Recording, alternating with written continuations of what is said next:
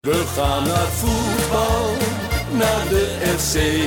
En dan is het eh, is Jan van Dijk die de wedstrijd beslist. Ja, fantastisch natuurlijk. Is tegen Ajax of bij een oor. Roestak en het is 2-0. Juichen wij als FC Roestak met zijn Groningen weer tweede.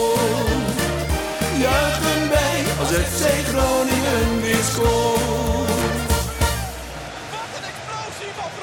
Welkom bij deze extra aflevering van Conforminder, de podcast. Mijn naam is Maarten Siepel. Vanuit de headquarters van KVM Media zit ik vandaag met eh, Thijs Faber Ja, mooi. en Wouter Rolsappel. Hallo. Alweer eh, op het moment van opnemen, tenminste voor de Petje.affer staat hij nu al twee weken eerder online. Maar op het moment van opnemen is het alweer de derde podcast van de week. Het begint wel een beetje een... eh, Het begint echt een fulltime job te Ja. worden inmiddels, uh, Siepel. Ja. ja, maar ja, we, is, we, zijn er, we zijn er weer. Kijk op vrijdagavond. vri- Vrijdagavond inderdaad, voor ons hè. Zeker. Voor de luisteraar boeit het helemaal, helemaal niks wanneer het opgenomen is. Nee, gelukkig niet. Nee, in deze speciale aflevering zitten wij met een gast die als jonge voetballer actief was in de opleiding van VVV Venlo.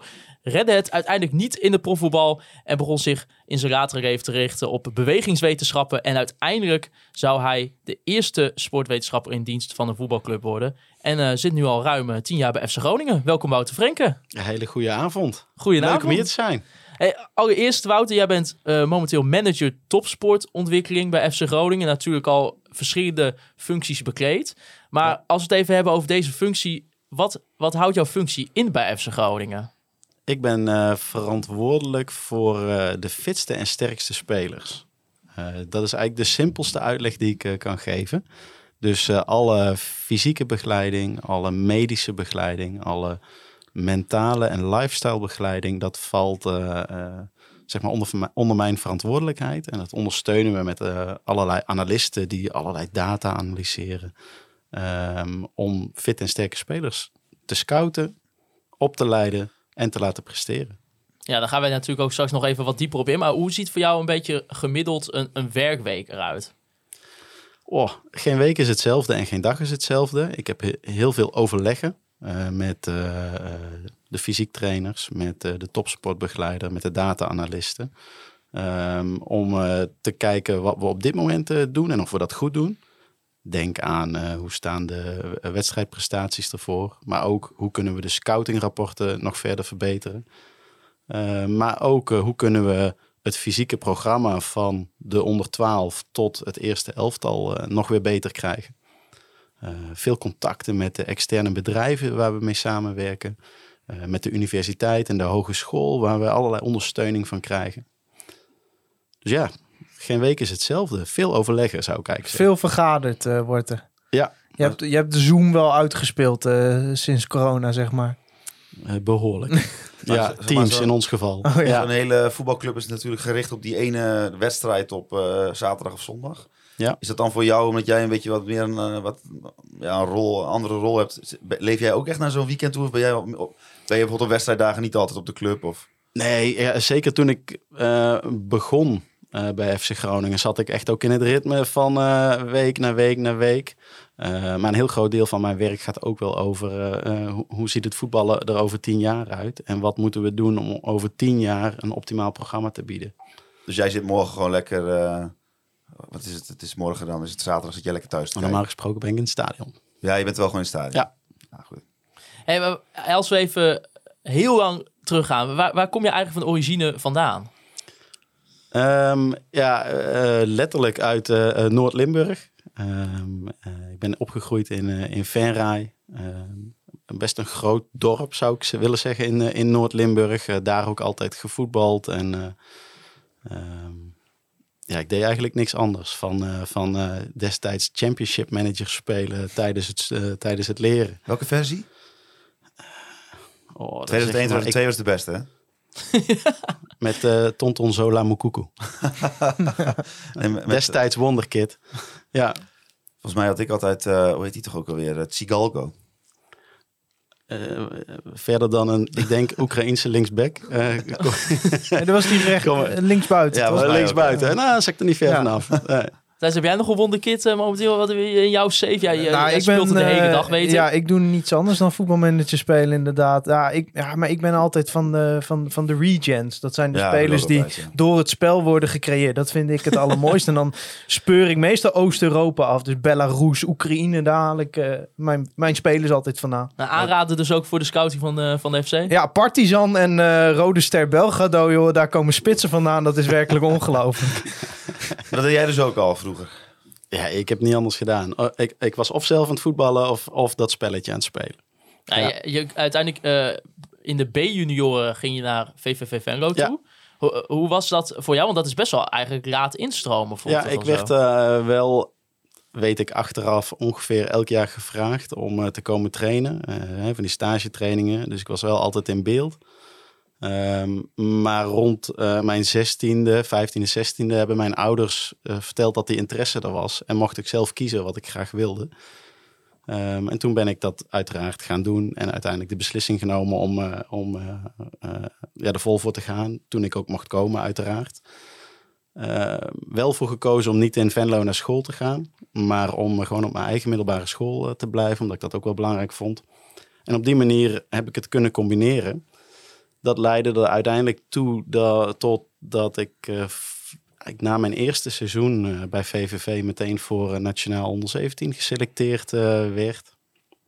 Daar nog een mooie herinnering aan heb, omdat ik daar Danny Buis tegenkwam. ik wilde het net vragen, maar je vult hem zelf wel even in. Ja, nee, dat was net, met de kennis van nu was dat natuurlijk hilarisch. Want ik kwam daar met drie andere jongens van VVV, kwamen wij daar. En ja, dat was echt gewoon, eh, eh, al die Ajax en PSV jongens, ja, ze- ze zagen er gewoon ook letterlijk anders uit dan wij. Eh in om eh, sterke jongens allemaal. Maar toen stond ik op het veld en eh, nog voor de aftrappen, toen kwam Danny naar mij toe en die zegt, eh, maakt me geen zak uit wat je vandaag doet als je alle ballen maar bij mij inlevert. dus toen dacht ik, ah, zo gaat dat hier. En eh, nou, dus dat, dat was wel leuk. Klinkt, er, klinkt alsof Danny Buis weinig veranderd is. nou, inmiddels gaat het wel anders. Ja, Maar ja. wist hij, heb je, daar ooit nog over gehad? Wi- Wist hij dat toevallig nog? Nee, toen hij trainer werd eh, eh, eh, bij Groningen en ik zeg maar het kennismakingsgesprek met hem had, toen, toen hebben we het er uiteraard eventjes over gehad. Maar toen jij... Hij kon zich dat overigens niet herinneren. Nee? dat is ook wel- zou ook wel weer een beetje typisch Danny Buis zijn. Maar toen, je, toen jij begon eigenlijk dus een beetje met voetballen bij VVV... was je dus ook nog wel een beetje bewust bezig... alsnog wel met je, ook je schoolcarrière. Dus, want je, je Ja, zult misschien ik- ook voetballers zien... die zich alles op het voetbal gaan richten. Maar daar was je dus wel een beetje anders in. Nee, dat klopt. Maar dat heeft, heeft natuurlijk ook wel, denk ik, met de thuissituatie te maken. Mijn ouders, die vond, niet voor niks hebben ze een tijdje dat niet aan mij verteld. Ehm, dus zij vonden het gewoon ook wel belangrijk dat ik... eh, ja, dat, dat, dat vonden school gewoon ook belangrijk.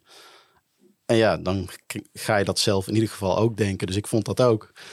Ehm, ja, dus zo is dat eigenlijk gekomen. En ehm, ja, ik heb er eigenlijk geen spijt van gehad. Het was op die manier ook prima te combineren. Maar dat uiteraard met inzet van mijn ouders die mij heen en weer brachten. Op een gegeven moment eh, uiteraard zelf eh, met de trein en alles. Nee, ja, goede herinneringen aan. Ja, en ergens komt dan een punt. VVV stond toen echt onderaan in de, of in de eerste divisie. Kans op doorbreken was gewoon niet zo groot. Nou, dan moet je keuzes maken. En ik heb eh, gekozen toen om ook om het te combineren met de universiteit een jaar. Ja, achteraf was dat misschien niet heel handig, omdat ik daardoor ook een aantal trainingen miste. Nou ja, dan kom je een beetje van de regen in de drup. En ik vond studeren ook gewoon oprecht heel leuk. De manier waarop ik begeleid werd destijds in Venlo, vond ik minder leuk. Eh, en dat heeft bij mij het vuur aangewakkerd om uiteindelijk terug te komen in de topsport. En te laten zien van dat, dat die begeleiding ook anders kan. En nu uiteindelijk zit ik in een rol waarin ik dat ook kan En, bewerkstelligen. en je hebt dus eigenlijk geleerd van de fouten van anderen, zou je kunnen zeggen. eh, eh, waar zat het hem of dan in? En- en- fouten, ja. Ja, nee, maar de, qua begeleiding. En, en waar zat het hem dan in dat je denkt van ja, dat moet anders kunnen en wat pas je daar nu nog van toe? Ja, ik denk dat, dat, dat ik voor trainers ook wel in die zin een lastige speler was. Want ik was zo'n speler die altijd wilde weten waarom we een bepaalde trainingsvorm gingen doen. Ja, Dus ik stelde altijd vragen, waarom zo? Of kan het niet ook zo? Of, eh, ik was ook van al mijn teams altijd aanvoerder. Dus ik vond ook wel dat ik dat mocht eigenlijk. En er zat een soort natuurlijke nieuwsgierigheid eh, bij me. Ja, dus ik, ja, dat, daar kon men minder goed mee omgaan. Eh, achteraf zie ik ook wel in dat dat misschien niet altijd even handig voor mij is geweest. Ehm, ja, dat is een voorbeeldje, maar ook bijvoorbeeld hoe voortgangsgesprekken gaan. En eh, hoe je daar naartoe bouwt. En met, met, met, met eh, jonge voetballers. En hoe je gecoacht wordt. En hoe er met je omgegaan wordt als je niet speelt in wedstrijden. En niet bij de eerste elf hoort. Ja, dat, dat, dat zijn wel dingen waarvan ik dacht, nou, dat, dat kan echt anders. Want Dus waar, gewoon van trainingsinhoud tot begeleiden tot ja, Ja. eigenlijk alle randzaken. want in, in het specifieke geval dan, wat waren bijvoorbeeld dingen die jij bij Venlo meemaakte, waar je eigenlijk al op dat moment van dacht, hey, dit, dit zou al gelijk eigenlijk anders moeten. Ja, hele simpele voorbeeldjes van eh, dat ik hemel en aarde moest bewegen, bij wijze van spreken, om op een avond waarop we niet trainden, dan op de club te komen. Eh, voor een gesprek over, eh, weet ik veel, hoe het ervoor stond. En dat dan zo'n trainer gewoon niet komt opdagen. Zonder zich af te melden, zonder dat aan te kondigen. En ja, als dat dan herhaaldelijk gebeurt, ja, dat is niet handig. Eh, medische begeleiding. Ik heb gewoon een half jaar de verkeerde diagnose gehad. Dus dat zijn allemaal. Ik wil niet zeggen dat dat nu nooit voorkomt of nooit meer voorkomt, maar wat enorme impact heeft op nou ja, je droom om profvoetballer te worden, maar wat ook impact heeft op jouzelf als persoon. Maakt dat jou, zeg maar, dat specifieke onderdeel van je werk, je zei, gaf eerder aan, je hebt meer eh, verantwoordelijkheden wat dat betreft, maar maakt dat het ook makkelijker dat je uit die ervaring kan putten? Hmm. Nou, dat, dat, poeh, goeie vraag. Dat weet ik niet. Eh, ik ben in ieder geval...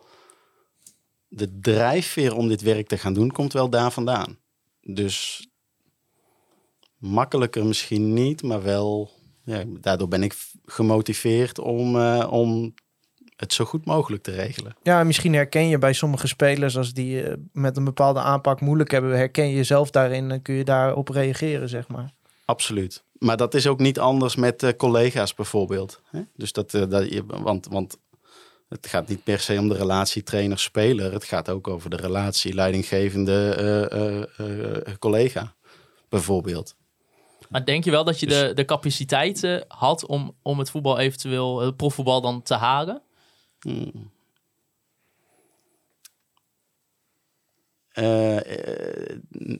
Oh, ook een goede vraag. Nou, ik denk dat ik wel keukenkampioen had kunnen spelen. Maar wa- was Venlo ook ik echt was een denk, beetje... wat, wat, wat mijn, ik, ik denk dat ik te veel één tempo voetballer was, eerlijk gezegd. Voetbal je nog eigenlijk? Nee, Ook niet gewoon... nee toen ik uiteindelijk naar Groningen ben gekomen, ben, toen, en mijn leven, werkende leven om voetballen ging draaien, Ook niet wilde ik daar recreatief? alles opzetten.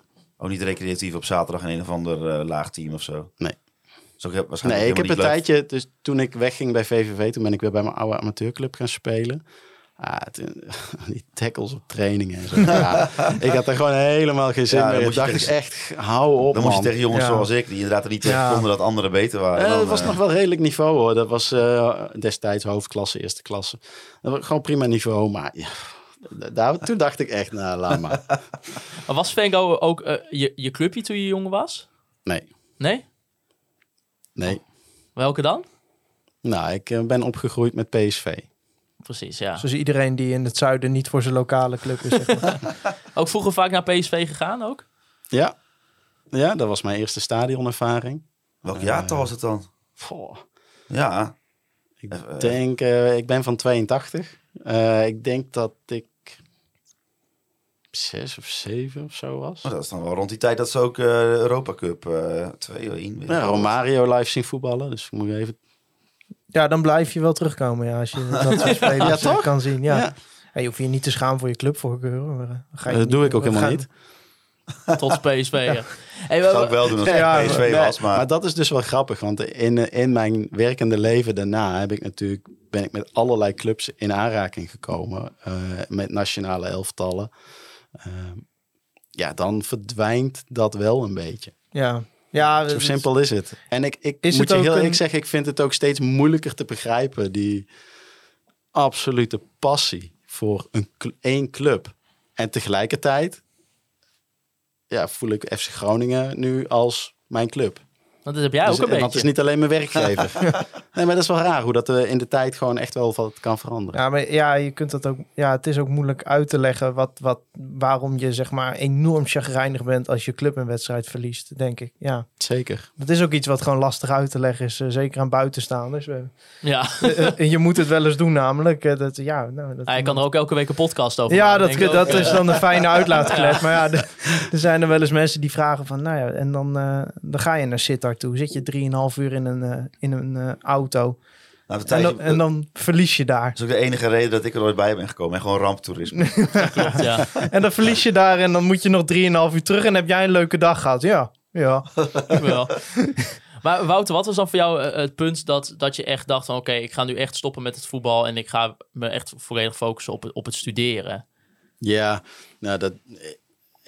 Uiteindelijk eh, had, had ik een gesprek daar met de trainers. En eh, eh, mijn eerste studiejaar ging eigenlijk hartstikke goed. Ik vond het echt oprecht heel erg leuk. Ik was zelf ook wel een beetje uitgekeken op nou, hoe dat reilde en zeilde. En volgens mij stond ik, als ik dat goed herinner, ook op niet door voor volgend jaar. Dus ja, die combinatie maakt het eigenlijk een hele logische beslissing om, om volle bak op studeren te, te zetten. En je kwam volgens mij, als ik het goed had... kwam je ook in die, in die studieperiode... kwam je al voor promotieonderzoek ook naar Groningen toe daarna, toch? Ja, dus ik heb eerst in Maastricht eh, eh, bewegingswetenschappen gestudeerd. Daar zoveel mogelijk eh, me op topsport gefocust. Dus ik heb daar ook Gerard Kemkers leren kennen bijvoorbeeld. Door stage bij de TVM schaatsploeg. En toen was, was ik afgestudeerd. En toen dacht ik, ja, dan heb ik mijn diploma. Maar welke voetbalclub gaat mij nou bellen? Ja, zo werkt het dus niet. Daar had ik al wel snel door. Ehm, en toen kwam er een promotietraject eh, voorbij in, eh, in eh, Groningen, waarin het doel was om eigenlijk tactiek meetbaar te maken. Ja, en ik zag die vacature en ik dacht, ja, dus ze zoeken mij. Mijn naam staat erboven. En toen ben ik het uiteindelijk ook geworden. Ja, en dan ga je dus eh, vier jaar lang en in mijn, geval, in mijn geval ietsje langer wetenschappelijk onderzoek doen in die tijd eh, hè, ben ik naar Groningen verhuisd eh, vanuit eh, Maastricht. Wat sowieso wel interessant is, want voor mijn sollicitatie moest ik eh, met de trein van Maastricht naar Groningen. Dat is een zag, eindje. Ja. ik zag het landschap veranderen, ik zag de mensen gewoon veranderen. Is ongeveer net zo ver als naar Parijs vanaf Maastricht. Ja, nee, ja, letterlijk. Ja, Ja. zeker. Ja. Ja. Dus, ja, wij hebben eh, het en ik was er ook gedaan met de trein. Dat is echt een end. ja, nee, ik was er ook nog nooit geweest. Dus eh, nou ja. Maar, maar ik voelde me wel meteen thuis. En ik zag me daar ook gewoon echt wel rondlopen. Dus nou ja, daar, eh, toen ben ik dat geworden. Ja, dan ga je vier of iets langer jaar wetenschappelijk onderzoek doen. En ja, dat klinkt misschien eh, voor heel veel mensen saai. Maar eh, ik ben eh, op de meest geweldige plekken geweest. Ik heb bij, bij het Nederlands zaalvoetbalteam projecten gedaan. Ik heb bij ehm, eh, nationale vrouwenelftal richting het EK de begeleiding gedaan destijds. En alle- allerlei analyses. maar vooral met, in de, met nieuwe technologie die op dat moment op de hertgang bij PSV geïnstalleerd werd. Aan de slag gegaan om tactiek meetbaar te maken. En daar zit dan een hele wiskundige theorie achter die we gingen toetsen op het voetballen.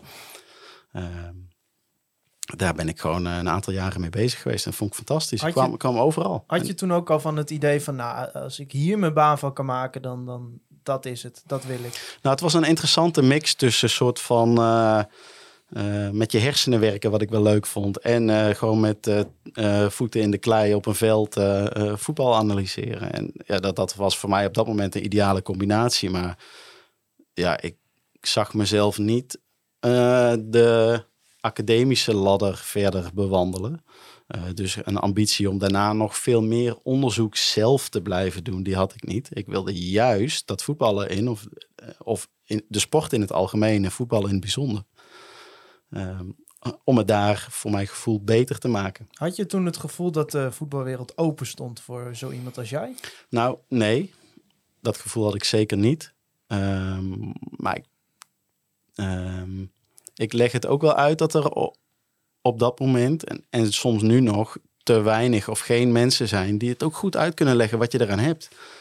Want eh, vaak is het zo, als, als, het, eh, als je aan iemand duidelijk kan maken wat hij eraan heeft, ja, waar- waarom zou je er dan nee tegen zeggen? Dus als het bijvoorbeeld gaat over de voetbalwereld is conservatief, ja, dan, dan denk ik, ja, dan ligt daar een plicht om het gewoon voor degene beter uit te leggen. En dan gaat het vanzelf wel draaien. En en je werkt nu tien jaar bij FC Groningen. Heb je die voetbalwereld ook echt ervaren als conservatief? Ja, nee, nee, ik vind het niet conservatief. Alleen je moet dus wel heel goed uitleggen wat je met je voorstellen of je veranderingen eh, eh, beoogt. Wat je daarmee wil bereiken. En heb je het gevoel dat, dat als je zegt... en waarom maar- dat voor iemand handig is om, om te gebruiken bijvoorbeeld. Ja, maar, maar als je, heb je dan het gevoel, ik bedoel, kijk, voetbalclubs, eh, het gaat ook vaak natuurlijk gewoon om geld. Er moet gewoon budget voor vrijgemaakt worden.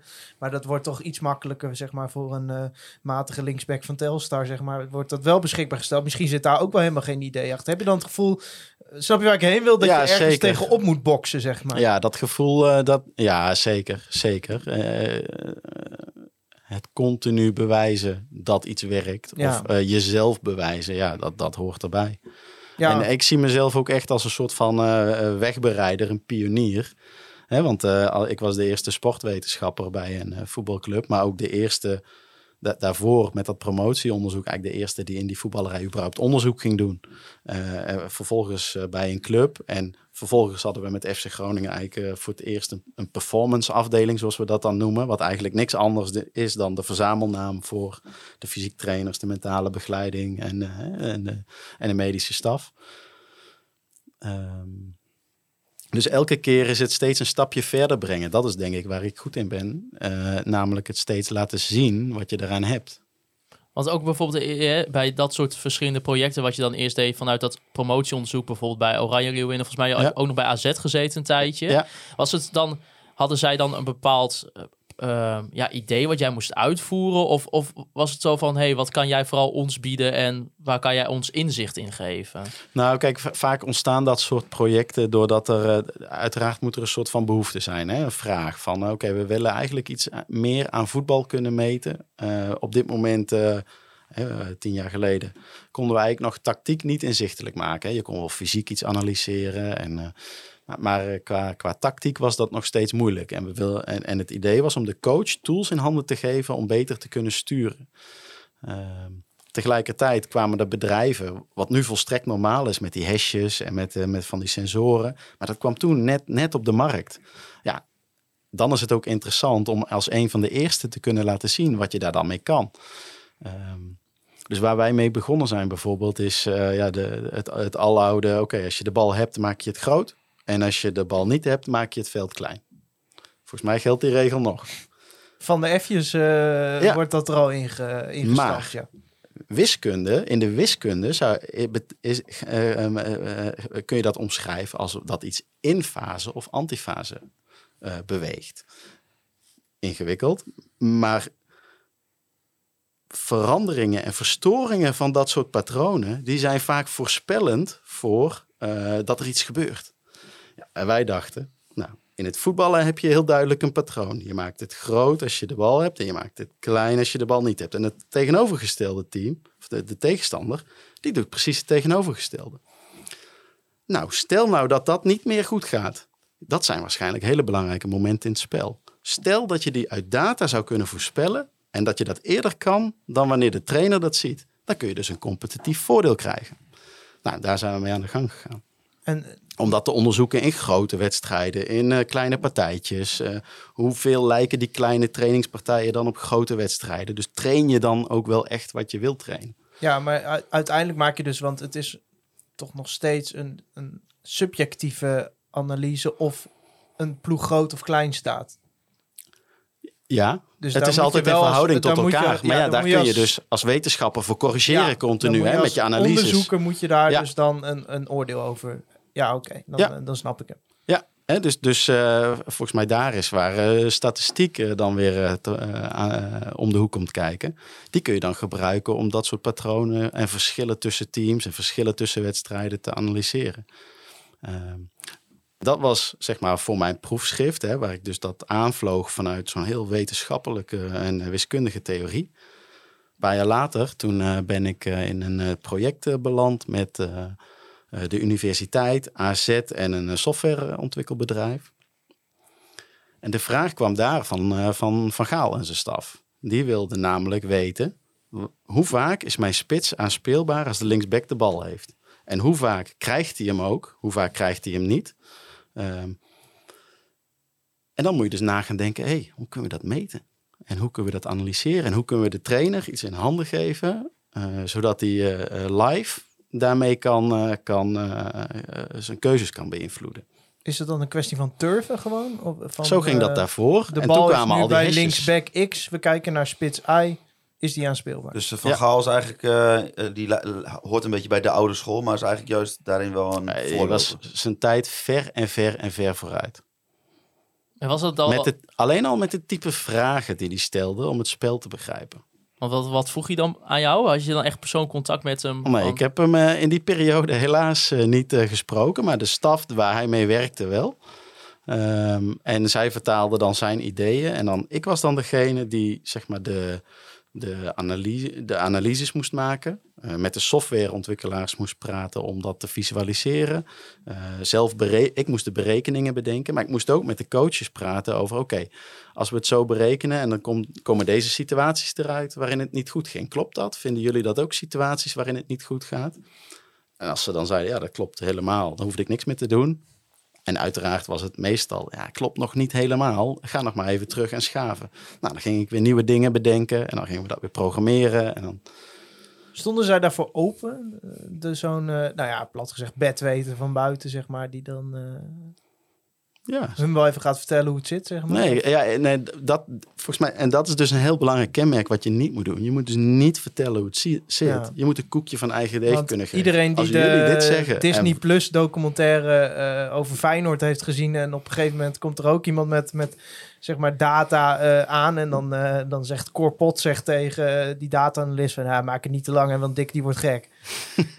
Heb je die Ja. mentaliteit je die ook wel tegengekomen, zeg maar? uiteraard, Ja. uiteraard. Dus je moet heel goed weten wat het, wie je voor je hebt en hoe je daar eh, je belangrijkste boodschap over krijgt. Ben je daarover dan over de jaren wel beter mee leren omgaan? dan? Ja, zeker. Ja. zeker. Want ik, kan me nog eh, herinneren, ehm, toen was ik net bij Groningen en toen was Maaskant eh, was de trainer. en toen dacht ik ook, nou, ik heb echt iets geweldigs bedacht. En dan ging ik hem dat laten zien. En nou, dat, dat, het kan niet dat hij dat alles ooit van iemand gekregen heeft. Dus ik eh, heel trots. Zei hij, Wouter, je kan ook verdrinken in een rivier van gemiddeld 1 meter diep. en, en, en toen dacht ik dus bij mezelf, eh, ja, dat is een lekkere dooddoener. Ja. En je zou dat kunnen uitleggen als een soort van eh, conservatisme. Hè? Ja. Dus dat hij, eh, dat hij gewoon het niet wil horen. Nee, ik moet het gewoon nog beter uitleggen. Blijkbaar moet ik uitleggen aan hem of hij Gaat verdrinken in die rivier van gaat verdrinken of op het droge staat. Kees Kwakman Of dat heeft eh, wel eens verteld, dan, eh, dan hadden ze een tactische bespreking voor de wedstrijd. En dan zei Maaske, nou jongens, eh, ik heb nou toch wat bedacht. En dan kwam er een, een formatie en een tactiek uit. En in de, in de tunnel zeiden de spelers dan tegen elkaar, nou we gaan gewoon lekker 4-3-3 spelen. en, en FC Groningen wint die wedstrijd en ze komen terug in de kleedkamer. En Maaske zegt, geweldig jongens, jullie hebben mijn plan uitgevoerd. Zie je wel, het werkt geweldig. Ja. Ja, dat is, ja het is toch mooi. Maar hoe, hoe, kwam je dan, hoe ben je dan uiteindelijk zeg maar, eh, in vaste dienst bij FC Groningen gekomen? Ehm, Dat was in eh, 2011, en even voor de mensen eh, om een beeld te schetsen. Michael de Leeuw speelde toen nog niet bij FC Groningen. En dan heb ik het over zijn eerste periode. Ja, die speelde toen nog bij Veendam of bij de Graafschap waarschijnlijk. Moet je nagaan. Ja. Ja, ja, ja, ja. Ehm, en, ja ik, ik had dus eerst gewoon een contract voor een jaar eh, eh, eh, voor 20 uurtjes in de week om ja, me te bewijzen als het ware en om te laten zien aan FC Groningen wat je daaraan had. Ehm, dat die overeenkomst wa- kwam voort uit dat de universiteit en FC Groningen al wel wat met elkaar samenwerkt. Alleen dat moest wat structureler met elkaar. Iets, iets, ja, moesten gewoon dat beter gaan doen met elkaar. Nou, dus dat ging ik doen. Ehm, ja, en dan heel langzaam laat je zien dat er eh, steeds meer, dat, wat je doet, dat dat bijdraagt aan, eh, aan eh, het opleiden, het ontwikkelen en het presteren van de teams. Ehm, en dan verdien je steeds wat extra uurtjes. En dan op een gegeven moment kom je in vaste dienst. Wat was er dan Hans Nijgans die, die jou benaderde? Of kwam er neer vanuit de technisch manager toen die tijd? Eh, nou, ik heb eh, toen ik bij de club eh solliciteerde, of solliciteerde, het was niet echt een vacature. Het, de universiteit wilde eigenlijk iemand gaan aannemen die dan voor een dag in de week wat onderzoek kon gaan doen bij FC Groningen. En dan gaat het over het doen van wat testen bij de jeugdspelers. Ehm, ja, en ik dacht dat dat, dat kan beter. Ja, als je mij neemt, ja, dan gaan we blessures voorkomen. Dan gaan we analyses van wedstrijden maken. Dan gaan, hè, eh, en dan ander type analyses bedoel ik dan met name. Eh, en toen mocht ik dat pitchen bij eh, Hans en Henk. En eh, dat was wel leuk. Want ik, nou, ik heb gewoon uitgelegd hoeveel geld ik zou kosten en wat, ze, wat ik ze zou besparen als we eh, eh, zouden gaan samenwerken. Nou, en toen eindigde dat op het kantoor van Erik Mulder met een bierveeltje van eh, sch- schrijf maar op wat je wil verdienen. En dat ging door twee. Ja, Toen- en toen ben ik begonnen. dat, eh, Ja. dat klinkt. Dat is trouwens, denk ik, als je mensen hoort over hoe Hans Nijland zeg maar tegen investeringen aankeek. Want eh, wat er vandaag geïnvesteerd, dat moet morgen weer terug zijn. Dat is wel een goede manier om het aan te vliegen, denk ik. Ja, Uitstekend. En eh, nou, voor een kwart had ik het ook gedaan. Ja, nee, zonder gekheid. Maar eh, ja, dat was toen op die manier nodig. En eh, nu gaat dat uiteraard anders. Maar hoe trof je FC Groningen als club dan aan op het gebied van, van wetenschap toen al? Was er, was er, begon je echt vanaf nul? Of? Nou ja, niet, niet eens zozeer alleen eh, op het gebied van wetenschap, maar ook bijvoorbeeld in, eh, in ehm, wat voor testprotocollen je hanteert. Hè? Dus al die clubs doen testjes. Hè? Testen, die kennen we allemaal wel, of sprinttesten. Maar daar gaat het ook over, hoe doe je dat dan? en wel, wat, zodat je er ook wat eh, eh, uit kan afleiden. Eh, hoe vaak doe je lengte- en gewichtmetingen? En op welke manier en hoe betrouwbaar is dat? En welke conclusies verbind je daaraan? Dat soort dingen zijn het allereerste wat ik gedaan heb. Veel meer het structureren van ehm, alles wat er al gebeurde eigenlijk. Zelf met een camera op, eh, op, op zo'n stijger gaan staan om te filmen. Zelf dingen coderen. Eh, dus ja, dat was eigenlijk de status waarin, eh, waarin ik het aantrof. was daar veel draagvlak voor, voor wat je toen deed? Of werd er toch wel vaak naar je gekeken? Ach ja, heb je hem weer. Nee, ja, in het begin heb ik dat wel zo. Met zijn formuletjes. Ja, in het begin heb ik dat wel zo ervaren. Maar ja, als je een paar succesjes hebt hè, dat, en, en uiteraard een aantal mensen die daar heel erg in geloven. Want dat is uiteindelijk wat, wat het draagvlak creëert. Eh, als daar mensen in de- erin geloven, dan, dan gaat het daarna vanzelf. Heb je het draagvlak over de jaren heen, misschien ook wel in het voetbal algemeen, voor het gebruik van wetenschap, voor het gebruik van data, heb je dat echt exponentieel zien toenemen? Ja, zeker, zeker bij ons. Ja. Het staat gewoon in ons beleidsplan. Hè, dat wij op die manier werken en dat wij de kennis die in de stad aanwezig... We hebben bijzondere stad. De, de kennis die in de stad aanwezig is, eh, zoveel mogelijk willen gebruiken in hoe wij onze spelers begeleiden. Ehm, dus ja, dat, eh, zeker bij ons heb ik dat enorm zien veranderen. Ehm, maar eigenlijk ook eh, wel in de rest van Nederland. Als je nu ziet dat oud-stagiairs van ons bij alle, werkelijk bij alle clubs in de KNVB actief zijn inmiddels. Eh, als je bedenkt dat wij nu met de eredivisie afspraken hebben dat wij elkaars data van wedstrijden kunnen inzien.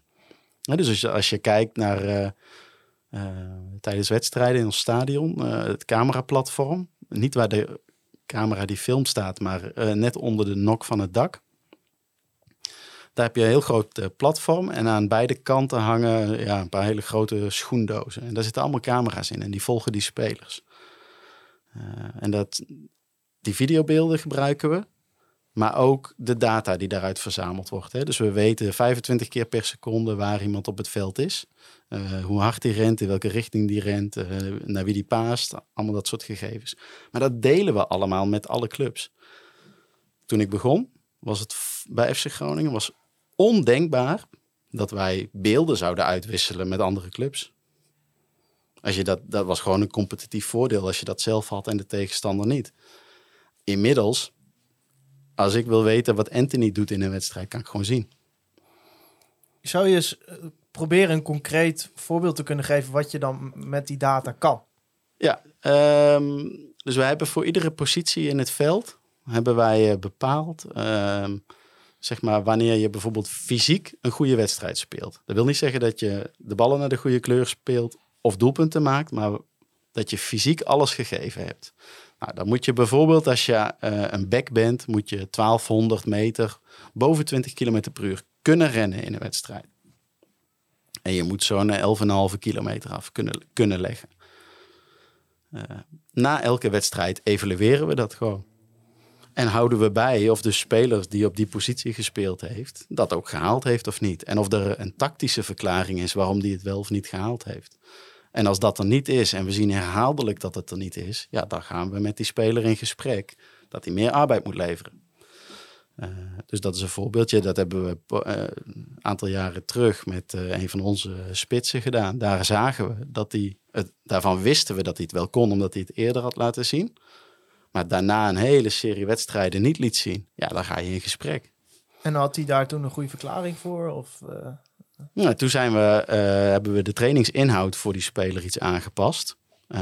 en is die in wedstrijden heel langzaam steeds meer arbeid gaan leveren. En dat het mooie is dat dat dan ook uh, gelijk loopt met de bevindingen van de trainer. Dat hij vindt dat hij ook beter gaat spelen. Of hè, dan wel in het aanvallen, dan wel in het verdedigen. Of in beide. Maar hoe, hoe komt het dan, denk je, dat, dat FC Groningen in dat opzicht zo'n toch een voorloper was op het gebied van dit onderwerp? Ja, dan, nou, simpelweg omdat uh, eigenlijk, wat ik net zei, Groningen is een bijzondere stad. We hebben op een postzegel hebben wij eh, een betaald voetbalorganisatie. Hebben wij eh, allerlei verschillende sportopleidingen op allerlei opleidingsniveaus. Dus op MBO-niveau hebben we coachopleidingen, op HBO-niveau eh, bij de universiteit. Um, en die verbinding, die is er gewoon al jaren. Ofwel personeel dat op, dan wel bij FC Groningen uh, en uh, zo'n uh, instituut werkt. Um, of doordat er bijvoorbeeld al jarenlang testen gedaan worden met spelers. Eh, of op andere manieren samengewerkt. Dus hier is het letterlijk zo dicht bij elkaar dat het al, dat het al eerder zo vergroeid is. Alleen nu zijn we daar pas heel erg actief mee bezig. En proberen we daar alles uit te halen wat erin zit. Merk je ook dat, dat de, de concurrentie steeds sterker wordt en dat je die, die voorsprong een beetje aan het verliezen bent? Of heb je nog steeds wel best een aardige voorsprong voor je gevoel als club? Um, we hebben denk ik nog steeds een voorsprong. Omdat, uh, ja, als je op alle fronten, fysiek, mentaal, uh, denk, denk ik dat wij uh, nog steeds voorlopen. Maar aan iets simpels als uh, stagiairs uh, uh, aantrekken, ja, daar blijkt dat ze kunnen kiezen tussen FC Groningen, tussen FC Utrecht, Heracles, Ajax, PSV, Feyenoord. Dus dat de concurrentie gewoon toeneemt. Nou, dus we moeten wel heel scherp daarop blijven. Ja, heb, je, heb je ook andere clubs waar je naar kijkt en waar je ook weer dingen van leert? Uh, ja en nee. Ik, ik, ik, kijk vooral naar wat wij zelf moeten verbeteren. Maar soms is het wel eens goed om eventjes over de schouder te kijken. En uh, ja, in Nederland, uh, geloof het of niet, maar op dit vlak werken clubs best wel goed met elkaar samen. Dus ik weet echt wel wat er bij Ajax en PSV gebeurt. Simpelweg omdat ik ze met regelmaat spreek. Hè? Dus... Ik kan nog even, je had net over die, die, die spits die dan nou, geen, niet genoeg ja. arbeid levert en dat ja. je dat dan opbouwt. En wat, wat me even een beetje door mijn hoofd ging, is dan, nou, neem, laten we eens even zo'n uh, jongen als uh, Abraham, Paulus Abraham als voorbeeld nemen. Ja. Die komt dan als hele jonge gast. Nou, als je dan hebt over bijvoorbeeld druk, druk om te presteren, dan ja. kijk, Danny Buis is verantwoordelijk voor de resultaten van het eerste elftal. Dus die voelt daar heel veel druk om dat goed te doen. Ja. Maar is dat dan in jouw baan ook zo? Dat als zo'n jonge, ach, jonge gast van 18, die komt de club in, dat jij echt de druk voelt van of deze jongen het gaat halen, dat hangt mede van mij af?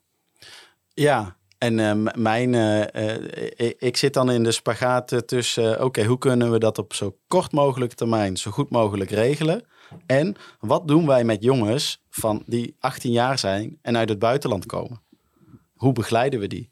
Dus, en, en dat is, om dat goed te doen, ja, dat is een meerjarenplan. Zodat als wij over drie jaar weer iemand van 18 halen, dat dat dan een stuk beter geregeld is. En dat dat niet meer te vergelijken is met hoe we dat nu doen als iemand 18 jaar is.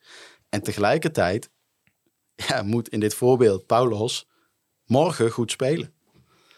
Ehm, dus ja, eh, in die zin, eh, en Danny, die voelt vooral eh, morgen goed Ja. spelen. Ehm, Maar jij, dan- jij dan misschien ook een beetje. Dat je elke Nee, ja, toch weer hoopt van... Nee, eh, uiteraard, uiteraard. Want eh, als het morgen niet goed is, ja, dan heeft het misschien ook wel helemaal geen zin om over die, hoe het er over drie jaar eh, uitziet, na te denken. Die mentale begeleiding, er bestaat best wel een, eh, een beeld dat vaak spelers uit het buitenland het bij FC Groningen niet halen. Ook jonge spelers, omdat die begeleiding niet goed is geweest over de afgelopen jaren. Is dat inderdaad iets waar jullie het gevoel hebben van daar moet echt aan gewerkt worden? Of dat jullie dat gevoel een paar jaar geleden hadden? Nou, Of is het ook een beetje het beeld wat bestaat dat dat Ja, allemaal zo ik- slecht is?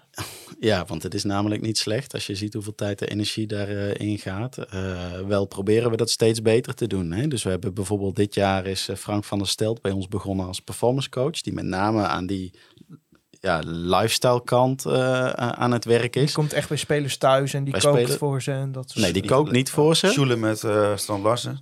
Hè, dus die, ja, precies. Hè, dus hij komt thuis, eh, allerlei gesprekken over eh, de, of hij zijn vrienden vaak ziet eh, en, en wat hij dan daarmee doet. eh, of hij zijn familie vaak ziet en wat hij daarmee doet. Of hij eh, snapt hoe hij boodschappen moet doen. Of die, als het luchtalarm afging, zoals eerder deze week geloof ik. Wanneer was het? Ja, Voor- ja, was deze Elke Was 12 deze- uur, hè? De eerste maandag van de Precies. maand. Ehm, Dat ze niet dan meteen in de hoogste boom zitten, bedoel Nou ja, dat soort dingetjes. En dat, dat heeft mega impact natuurlijk op, op jongens van 18. Dus wij besteden daar steeds meer aandacht aan. Maar en, is dat en- dan de afgelopen jaren slecht geweest? Of, of in ieder geval, Nee, zeg ik- maar, dat, dat eh, hebben spelers zeg maar moeite gehad met, met hier aarde omdat de begeleiding niet goed was? Ja, maar ja, ga jij maar eens een jaar in Spanje wonen. Ja, Eh, ja, dan ben je ook nou al wat ouder. Maar dat gaat ook niet van dag één goed. Dus eh, ik denk niet dat je dat helemaal kan wijten aan eh, eh, kan- slechte begeleiding, zeg maar. Thijs Maar, zou het ook nog eens anoniem kunnen doen. maar hoe... ja, ook nog. Ja. Ja, en, en hoeft ook niet elke week eh, een tentamen te maken. Maar heb, je- heb, je, heb je jongens uit het, uit het verleden die het, die het best wel lastig vonden hier en die jullie toch wel ook wel, zeg maar, hè, door die begeleiding heel erg, ja, zoals ze dat een beetje goed op de rit hebben kunnen Nee, krijgen? maar, eh, ja, kijk, als je, als je een beetje naar de, de recente geschiedenis kijkt, dan zie je dat eh, jongens uit Scandinavië over het algemeen iets beter aarden dan jongens uit eh, de Latijns-Amerikaanse landen. Dat, dat heeft denk ik wel te maken met de cultuur. Eh, die gewoon dichter, wat, wat vanuit eh, Noorwegen, Zweden, eh, Finland, gewoon veel dichter bij Nederland ligt dan, eh, dan Spanje of eh, Colombia. ja. is het dan niet uit de, aan de club om dat, zeg maar, dat gat wat dan wat groter is te dichten? Ja, zeker. Met begeleiding en Ja, weet ik allemaal zeker. Niet. Ja. Nou ja, ja je, je, je kan eh, twee keuzes maken. Je kan ook zeggen van eh, we moeten minder focus hebben op die type spelers. Maar ja, dat zou denk ik ook niet heel slim zijn. Dus, Nee. dus je moet die begeleiding steeds verder professionaliseren. En is, is het dan Maar met, de- met, die, is, eh, die is niet slecht. Want als je ziet eh, eh, hoeveel mensen en met wat voor type achtergrond wij rond hebben lopen. En hoeveel tijd ook de trainers in dat type spelers steken. Nou, Is het dan zo dat ook misschien zo bij dat soort begeleiding van eh, jonge gasten die inderdaad uit een ander land, uit andere cultuur komen, dat meer beter is? Meer begeleiding, meer erop zitten, meer bij diegene zijn, meer diegene aan de hand nemen? Of, is Nee, de of, grote of werkt dat niet zo? Ja, de grote niet. Sleutel, uit, ja, de grote sleutel, ja, wij, wij noemen dat eh, ook eh, zelfregulatie. Dat is een, hè, maar wa- waar het om gaat is dat je verantwoordelijkheid voor jezelf neemt en je eigen ontwikkeling. En eh, als je dat niet kan of niet goed genoeg doet, dan moeten we je helpen dat je dat gaat doen. Dat wil dus niet zeggen dat we voor diegene gaan koken. Nee, maar we gaan diegene wel helpen waar je boodschappen doet. eh, hoe je dat eh, klaarmaakt en eh, wanneer wij hier in Nederland normaal gesproken eten. Maar kan het dan ook betekenen dat als iemand echt goed kan voetballen, echt een, groeibriljant, je ziet het aan alles, maar ja, hij gedraagt zich gewoon als iemand van 15, dat je dan wel moet zeggen van nou, misschien moet hij toch maar gewoon eh, inderdaad wel iemand eh, dag en nacht over de vloer hebben, want dan eh, kunnen we tenminste... Ja, dat zou een komt zijn- consequentie kunnen zijn zijn. voetbalkwaliteiten tenminste uit. Want anders dan is hij, eet hij elke dag een, een stokbrood met weet ik veel wat als, als avondeten. Ja. dat zou een con- consequentie kunnen zijn. Zo extreem heb ik het nog niet meegemaakt. Nee, precies. ik Maar ik probeer het extreem te Ja. stellen, want dan weet ik Ja. het. eh. Nee, maar precies. En, en, als je bijvoorbeeld ook kijkt met eh, al die data die jullie verzamelen, eh, al die nummertjes. Heb jij eh, misschien een speler uit de huidige selectie of misschien van vorig seizoen die zeg maar misschien een beetje in een mindere fase in zijn carrière zat of, of een beetje moeite had met, met, met zijn ontwikkeling op voetbalgebied en die mede door hè, wat jullie hem lieten zien heel erg is gaan groeien? Nou, ik vind eh, Jurgen wel een mooi voorbeeld. Hè, daar, daarvan hebben we allemaal gezien dat hij op een gegeven moment een wedstrijd niet gespeeld heeft. Eh, eh, Feyenoord, meen ik, eh, me te herinneren. Waar hij dus in het seizoen vrij af kreeg eigenlijk. Nou, ehm, dus, en dat, ik vind zeg maar groot respect van de technische staf dat ze zo'n keuze durven maken. En tegelijkertijd laten de cijfertjes op dat moment zien ja, dat, dat, dat als we doorgaan, ja, dat, dat je dan een risico loopt dat, dat het opgebrand is. Waar zag je dat dan aan? Wat zijn dan indicatoren daarvan? Nou, bijvoorbeeld eh, meters op die hoge snelheid. Ja, Of, eh, maar de trainers zien dat natuurlijk ook in, eh, in, in, in hoe die speelt. Hij kan dat zelf aangeven, wat hij daarbij voelt. En of hij graag zijn familie wil zien, bij wijze van spreken. Of, eh, hè. En dat vind ik een heel mooi voorbeeld van waar dan data en voetbaltechnisch bij elkaar komt. Eh, en een niet typisch besluit genomen wordt. Namelijk dan, eh, iemand niet meenemen na een wedstrijd die we met z'n allen wel heel belangrijk vinden natuurlijk. Hebben jullie dan bepaalde signaalwaardes of zo die je op, op specifieke eh, statistieken hebt liggen waarvan je zegt, ja, nou begint iemand echt in het rood te staan? Ja. Ja, eigenlijk voor alle data die we verzamelen. Kijk, je moet, hebt altijd een periode nodig dat je ook in data de speler leert kennen. Ja. Hè, wat normaal is voor een speler. Eh, laten we even zeggen dat je daar een maandje voor nodig hebt. Om die sample size op te bouwen, zeg Ja. maar. Ja, en eh, dat we een maandje daarvoor nodig hebben. Nou, en dan kun je met redelijke zekerheid wel zeggen wanneer er iets gebeurt eh, wat, wat niet past bij het patroon van de speler. Ehm, en dan, en dan geven we een vlaggetje, zeg ja, maar. dan, dan, maar dan overleg je dat dus met de technische staf en aan hun is ja, uiteindelijk... ja, ik zelf niet. Hè, dus dat is eh, wat, eh, waar we dan eh, de, de, de specialisten allemaal voor hebben. Ja. Dus de performance coach, de, de, de analist, de fysiek trainer. Dat zijn degenen die gewoon dagelijks met de trainer schakelen. Ja, en je hebt bij deze technische staf, want het ging over dit specifieke geval, daar was ook meteen wel het gevoel van, oké, we vinden het jammer, maar we, we, we snappen de onderbouwing en daarom lijkt ons dit de beste keuze.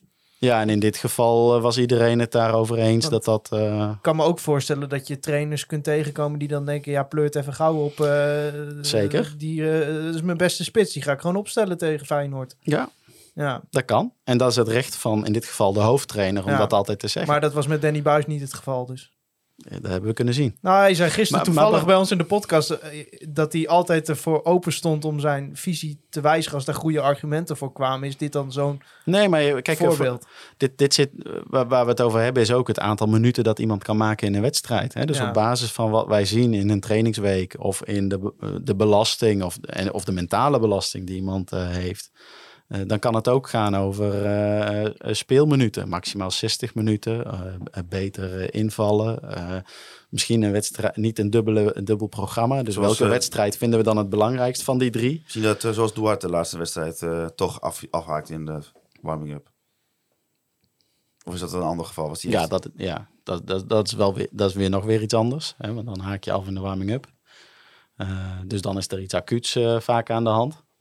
Ehm, maar dit gaat veel meer over, eh, over ehm, eh, ja, het proberen vooruit te plannen... om zo lang mogelijk met een zo fit mogelijk elftal te kunnen Gebeurt er dan ook wel eens dat er dan eh, een, een blessure plaatsvindt en dat je dan achteraf toch die data induikt en dat je tegen elkaar zegt, ja verdomme jongens, dat hadden we gewoon aan kunnen zien komen. We controleren het altijd als zoiets gebeurt. Ook als het zeer waarschijnlijk niks met, met de voorgeschiedenis Ja, te maken heeft. Maar hebben we iets gemist of niet? En dus dat doen we altijd, ja.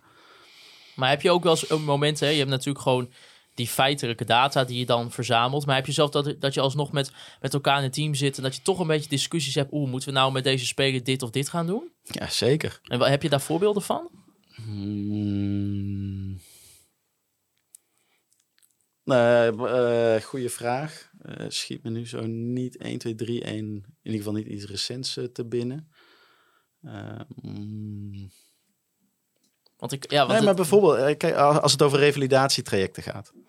Hè, dan eh, dan eh, bouwen we dat op. Hè? Dus iemand die raakt geblesseerd, zeker bij wat langdurigere blessures. Iemand raakt geblesseerd. En die kan weer op een gegeven moment mee gaan trainen. En ergens is die fit genoeg om op de bank te zitten of minuten te maken. Ja, en dan kan wel eens de afweging zijn van... Oké, gaan we hem al meenemen naar de wedstrijd met risico dat hij gaat spelen? Want als hij daar zit, dan moet hij ook gewoon inzetbaar zijn. En dan moet Danny hem kunnen gebruiken in dat geval. Overigens geldt dit ook bij de onder 18. Hè? Eh, want daar werken we op dezelfde manier. Ehm, en dan kan het wel eens zo zijn dat wij discussiëren over... eh, ja, gaat die, ga, eh, gaan we hem wel al vrijgeven of nog niet vrijgeven? Ja, dat, dat hoort erbij.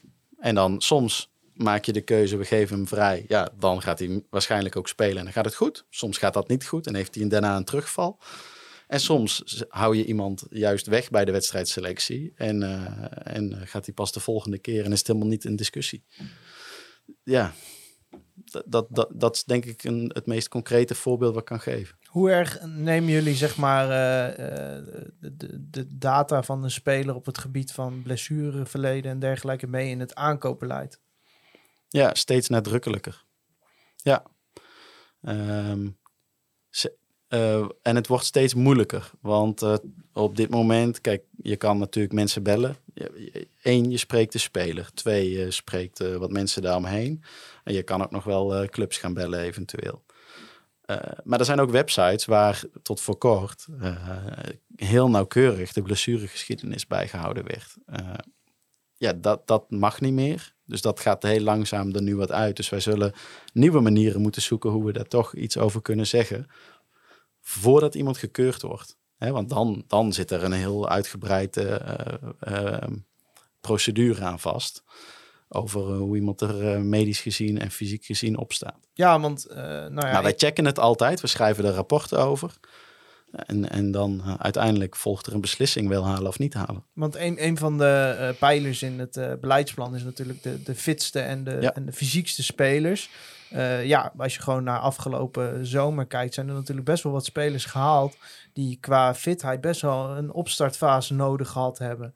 Is dat dan iets dat, dat jullie, nou, jullie zien dat die spelers binnenkomen, daar hebben jullie natuurlijk ook jullie aandeel in, in de discussie daar, maar zitten jullie dan wel eens met je handen in het haar dat je denkt van ja, dat is toch wel eentje, bijvoorbeeld Iran dus, nou, we meteen van gezegd ja, half jaar wel nodig om te herstellen. Best wel een zware blessure gehad. Oper- geopereerd.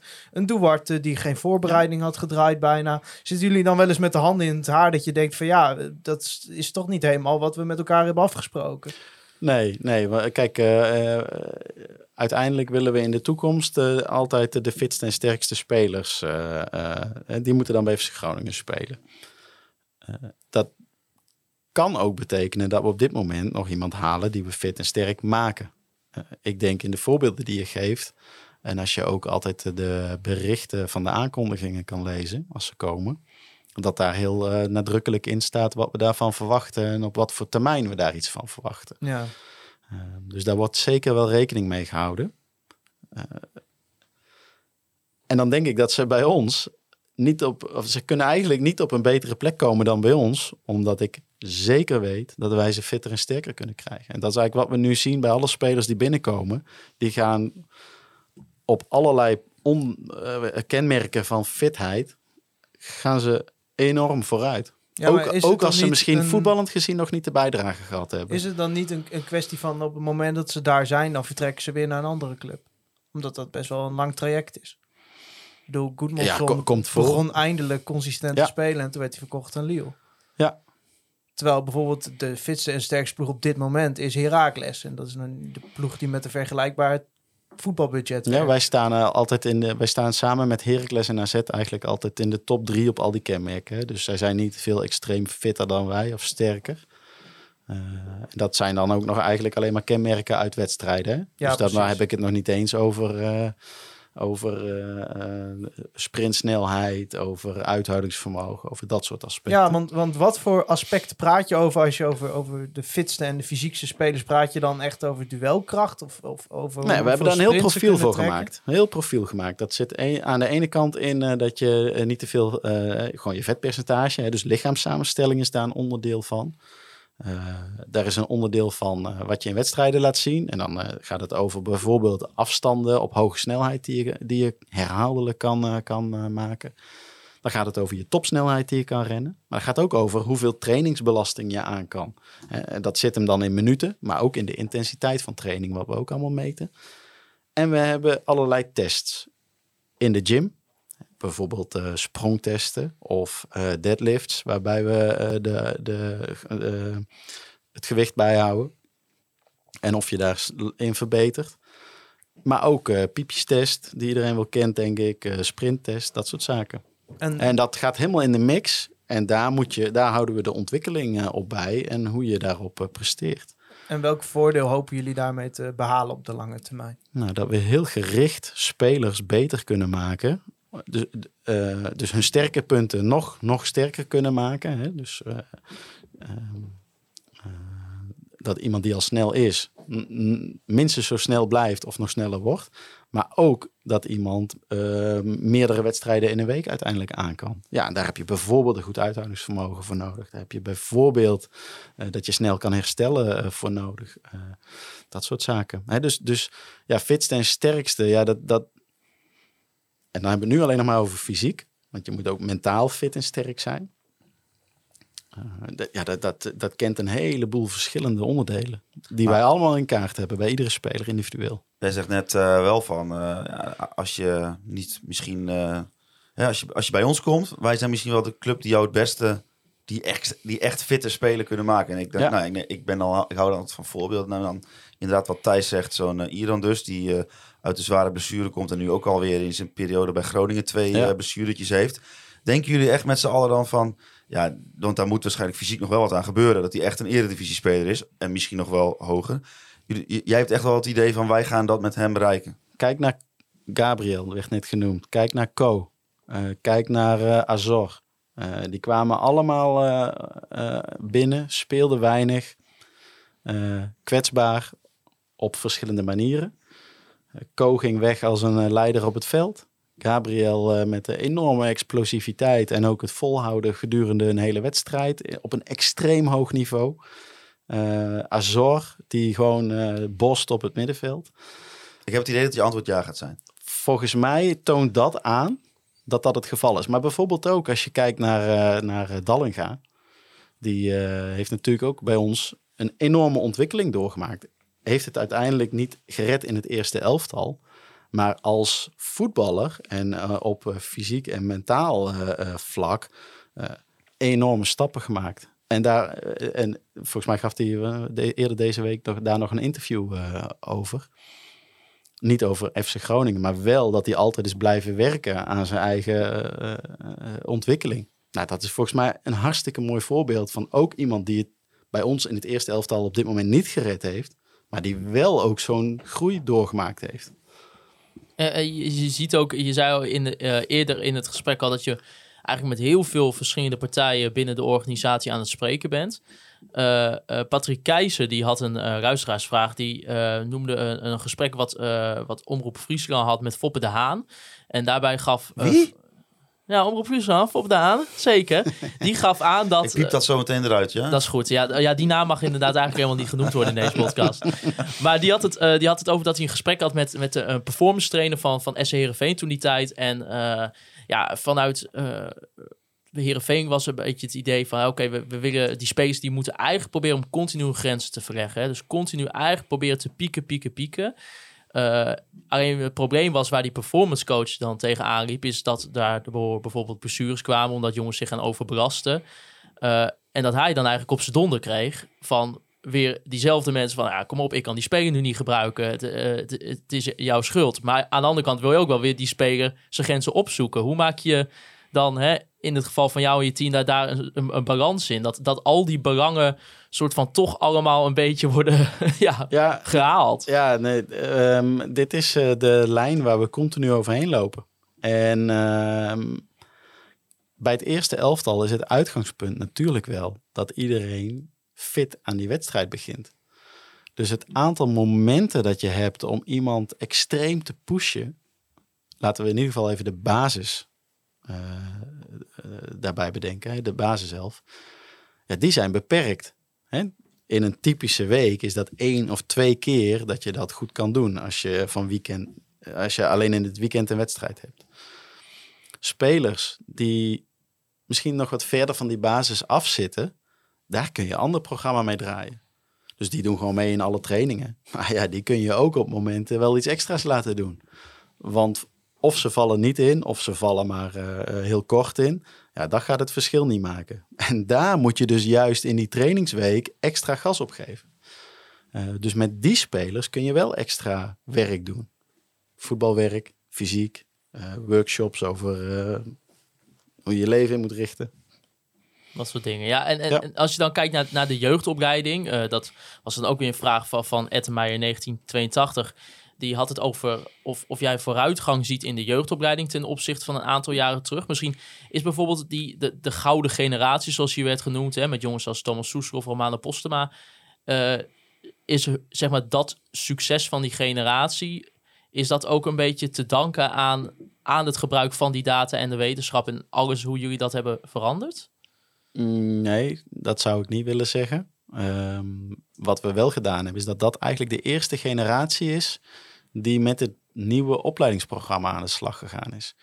Dus in ehm, 2013, in 2012 zijn we begonnen met eh, nadenken over eh, wat er Nee, ik, eh, ik moet eh, zeggen, we denken elk jaar na over wat er beter moet in de opleiding.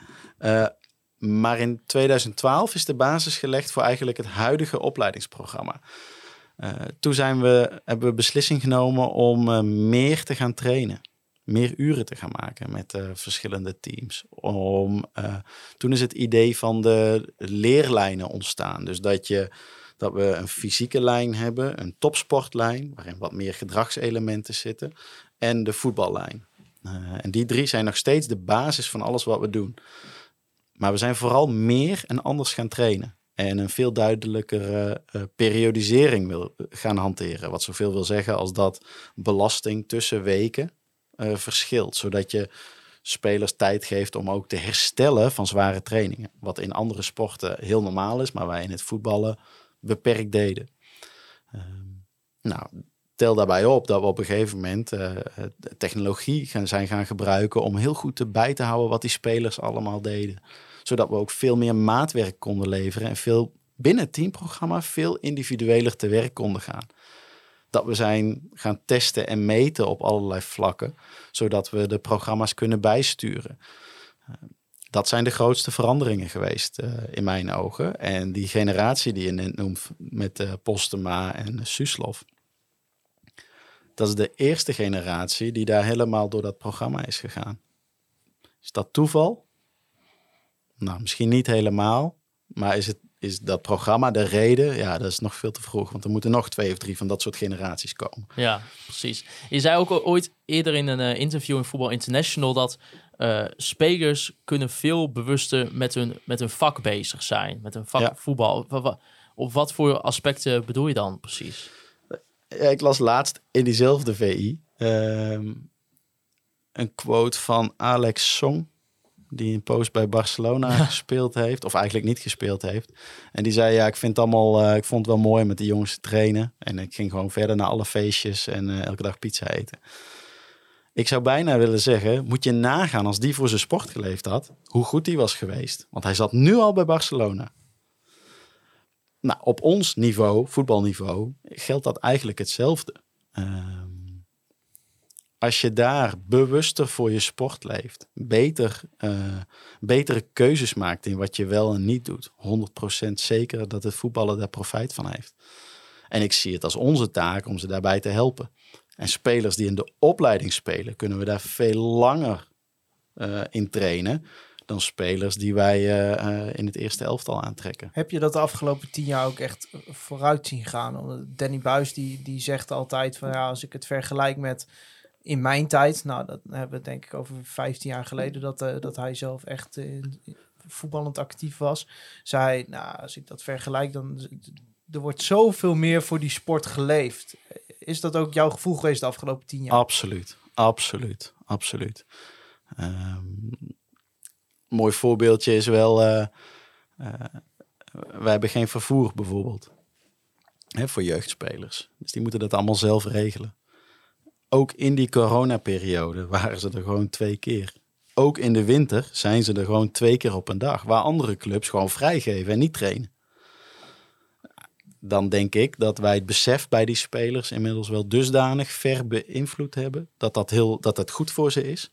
Dat ze zelfs als ze geen wedstrijden mogen spelen, gewoon toch elke keer komen trainen.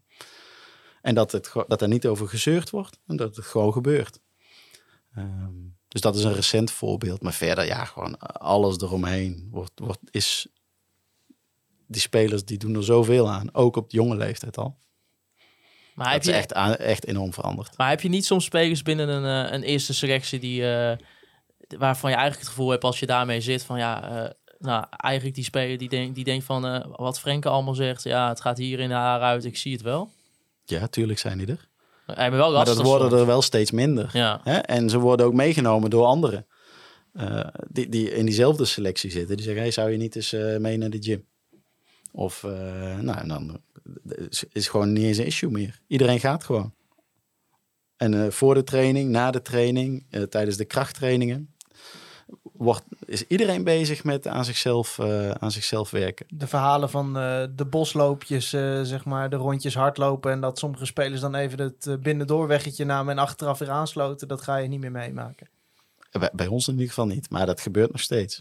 Het kan namelijk gewoon nog steeds in het profvoetbal. Ja, de kantjes ervan aflopen. dan, ja. Zeker. Ja. Tegenwoordig eh, op, op Corpus den Hoorn met al die camera's, hè, wei- wei- weinig bomen, v- vlakte. Ja, Dan kan, dan kan Maxime of wie dan ook, die kan gelijk natuurlijk ingrijpen van, oh, dat doen we even niet Dat is meer. ook zoiets. Dat is, dat is ook mooi. Dat is een, een hele recente ontwikkeling. We hebben net ook weer twee nieuwe masten bij laten plaatsen, waarin eh, volledig automatische camera's hangen. Dus die volgen gewoon volledig automatisch het spel. Het hele veld is in beeld. Gewoon eh, lekker George Orwell eh, gewoon- tra- eh, trainingscomplex. eh. Zo kun je het ook uitleggen. Dus Ja. richting de gemeente moesten we uitleggen dat dat niet de bedoeling was. Eh, maar dat het puur voor voetbaltechnische doeleinden eh, is. Eh, nee, maar de spelers kunnen nu, hebben gewoon vanaf nu beschikking over iedere training. Kunnen ze gewoon terugkijken als ze willen. Kunnen- En uiteraard gaan de trainers en de staf daarmee aan de gang om beelden met ze te bespreken. Maar, maar het, het- is gewoon nu beschikbaar. Maar Weer je een kunt- extra Maarten, tool. jij maar je speelt, kunt dus eh, ook niet meer de kantjes eraf lopen. nu. Want Nee, dan eh, nee, wordt ja, het bij- gefilmd. Bij, bij ons eh, steeds moeilijker, ja. Maarten, jij speelt in de reserve zesde klasse op dit moment met je team. Zou jij graag de wedstrijden en de trainingen terugzien? Ja, natuurlijk. Ja, Ja. omdat je jezelf wil, eh, wil blijven ontwikkelen natuurlijk. Ja. Jij hebt natuurlijk nog ooit die droom Siepel nummer 4 op linksback bij FC Groningen. Het begint wel steeds eh onrealistischer te worden. Eh, nou ja, ja ik word, ik word eh, langzaam, want ik word dit jaar ook 24. Ja. Ik, eh, ik heb gisteravond er gewoon de mensen bij geweest. hè, toen de podcastmicrofoons uitgingen, vroeg ik nog aan Danny. Ja, Danny, hè, linksback misschien. eh ja, Bjorn eh, Meijer was toch iets beter. ja, jammer, dat was een beetje jammer. Ja, eh, ik denk ja, ook- ja, Kalli was nog de vraag, maar Meijer was beter. Ja. Ja, kijk, ik had de fysieke voorwaarden, had ik. Weet je, hij zei ook op en top, prof. ik, op en top, goede jongen, zei hij tegen mij. Maar ja, toen kwam Björn Goed inderdaad. ventje. Ja. Goed ventje, maar ja, Björn zijn ontwikkelingen, toen, eh, toen kan ik blijven. Dus dat zit Ja. er niet, eh, dat zit er niet in. Shit. Maar eh, heb, je, heb je nou ook dingen gedaan in die afgelopen, nou, nu tien jaar bij FC Groningen, waar, waar je ook op terugblikt denkt, jezus, dat ik dit een tijdje heb gedaan bij deze, deze club. Dat je in bepaalde keuzes waarvan dacht, ja, die had ik achteraf eigenlijk nooit zo kunnen maken. Hmm, eh, niet zo heel veel, denk ik. Alleen was de timing soms verkeerd. Dus dan eh, liep ik eh, met een idee naar een van de trainers en dan... eh, ja, dat was, dat was niet heel handig. Een, een mooi voorbeeldje is misschien wel... de, als je partijtjes speelt, partijen speelt... dan zijn de afmetingen van het veld... die bepalen heel erg wat er gebeurt. En als je... en we doen dat vaak op hele kleine veldjes. Dus, de, dus dan de- lekker intensief, lekker veel draaien, wenden, keren. Maar je kan je afvragen of, eh, of dat eh, precies ook is wat er in de wedstrijd gebeurt. Dus wat wij een poos geleden gedaan hebben, is dat we de afmetingen van een 11 tegen 11 veld, maar dan voor een 7 tegen, vertaald hadden naar een 7 tegen 7. Maar dan speel je dus van 16 naar 16. Ja, dat konden bij de trainers moeilijk in, in het begin. Totdat we dat een paar keer gedaan hadden. En later nog eens een keer geprobeerd hadden. En ineens begint dat, blijkt dat toch een trainingsvorm te zijn die ineens toch wel sens maakt. Eh, dus dat soort vormen doen we nu nog steeds af en toe. Maar dat is heel tegen natuurlijk, omdat dat zoveel groter is dan wat je gewend bent. Het is dus ook een beetje, ja, zoals in zijn algemeenheid in de wetenschap ook is, het is soms ook een beetje testen en kijken wat wel en wat niet werkt. Ja, absoluut. Ja. Ja. En, en verandert, oh, en nu er ook een nieuwe trainer komt, Frank Wormoed, die komt bij FC Groningen, ver- verandert daarmee ook een beetje weer de dynamiek? Ja, wat, wat bedoel je met, precies met dynamiek? Ja, omdat je, omdat je toch, je hebt nu al met een aantal trainers gewerkt, het, eh, andere types natuurlijk ook. Is dat en dan elke keer toch ook weer even opnieuw opbouwen Ja, en kijken hoe dat werkt? Ja, je, je moet, eh, je moet eh, elkaar weer een beetje, elkaars taal weer leren spreken. En eh, ook eh, bedenken hoe vaak je met iets nieuws komen. Of hoe vaak eh, eh, eh, wil iemand feedback hebben op eh, wat er gebeurt. En eh, hoe, hoe belangrijk is eh, de data voor iemand. Ja, dat zijn allemaal dingen die we moeten gaan ontdekken. Precies. En het kan niet zo zijn dat er iemand bij ons trainer wordt die daar geen idee van heeft. Of die daar nog nooit mee gewerkt heeft. Of die daar helemaal niks in ziet. Ja, dus het, het gaat niet zo zijn dat Wormoed eh de, na de eerste week bij Flederis komt. Nou, die, die Frenkie, joh, die met, met, met die zachte G van hem eh, eruit. Absoluut onmogelijk. ja, ja. maar dat heb je goed geregeld dan. ja, ja. En hoe, hoe zie je het nog, zeg maar, in de toekomst, eh, zeg maar, uitbreiden? Waar, waar zitten nog de, de grootste eh, ja, winstpunten of uitdagingen? Nou, ik denk heel erg aan die, aan die eh, het zijn er misschien wel twee of drie, aan de mentale kant. Hè, daar hadden we het net al eventjes over, maar dat, dat, dat is nog niet zoals ik denk dat het zou moeten. Ehm, als je ziet in een typische week van een voetballer, komt hij relatief weinig in aanraking met mentale training. Ehm, voorbereiden eh, mentaal op wedstrijden. Eh, spelers die terugkomen van blessures, ook mentaal trainen om weer te gaan eh, spelen. Eh, dat is eentje.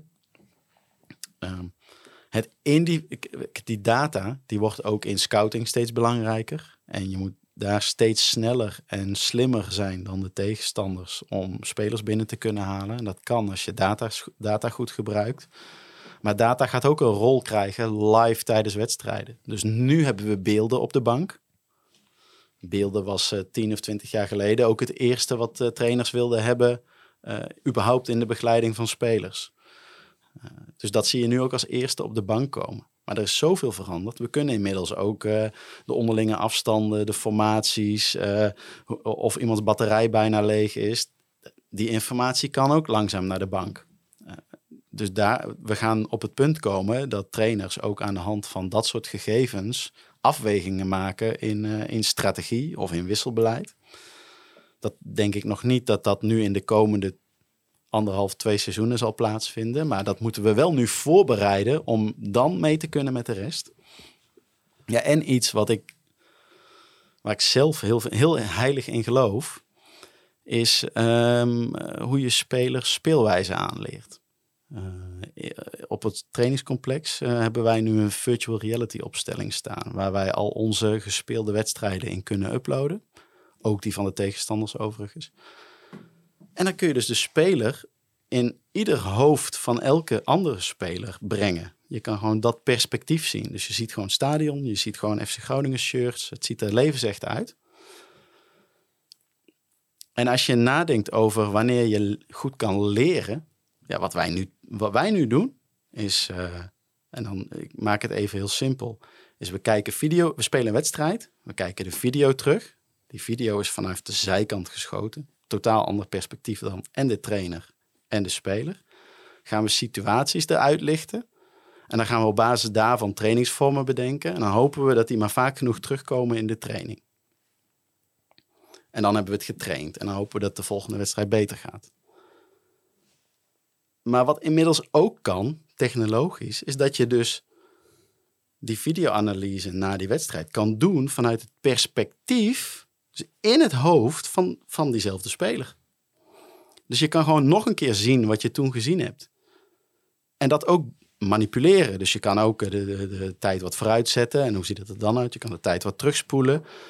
Je kan uh, vergelijkbare situaties zomaar even laten zien. Je kan ook, uh, als je een bal verkeerd ingespeeld hebt, even in het hoofd van degene die je aan wilde spelen. En, kijk, hij, hij, loopt helemaal in een andere richting.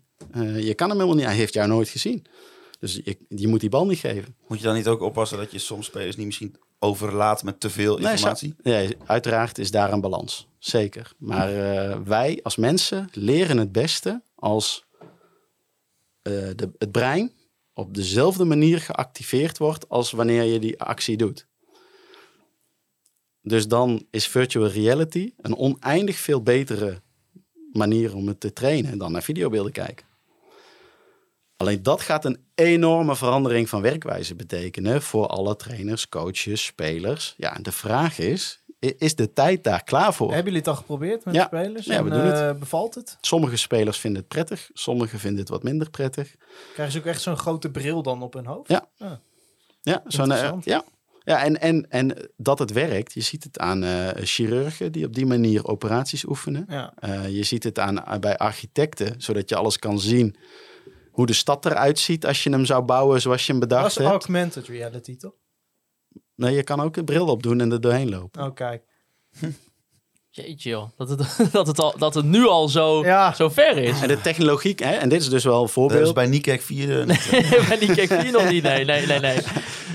Nee, maar dit is dus zo'n voorbeeldje, want je vroeg toen net van, eh, van eh, eh, is er ook wel eens iets wat, wat niet goed landt? Ja, dit zou zoiets kunnen zijn. Ja. Maar het kan ook zomaar iets zijn wat wij ineens doen, waardoor spelers veel sneller begrijpen wat er nodig is.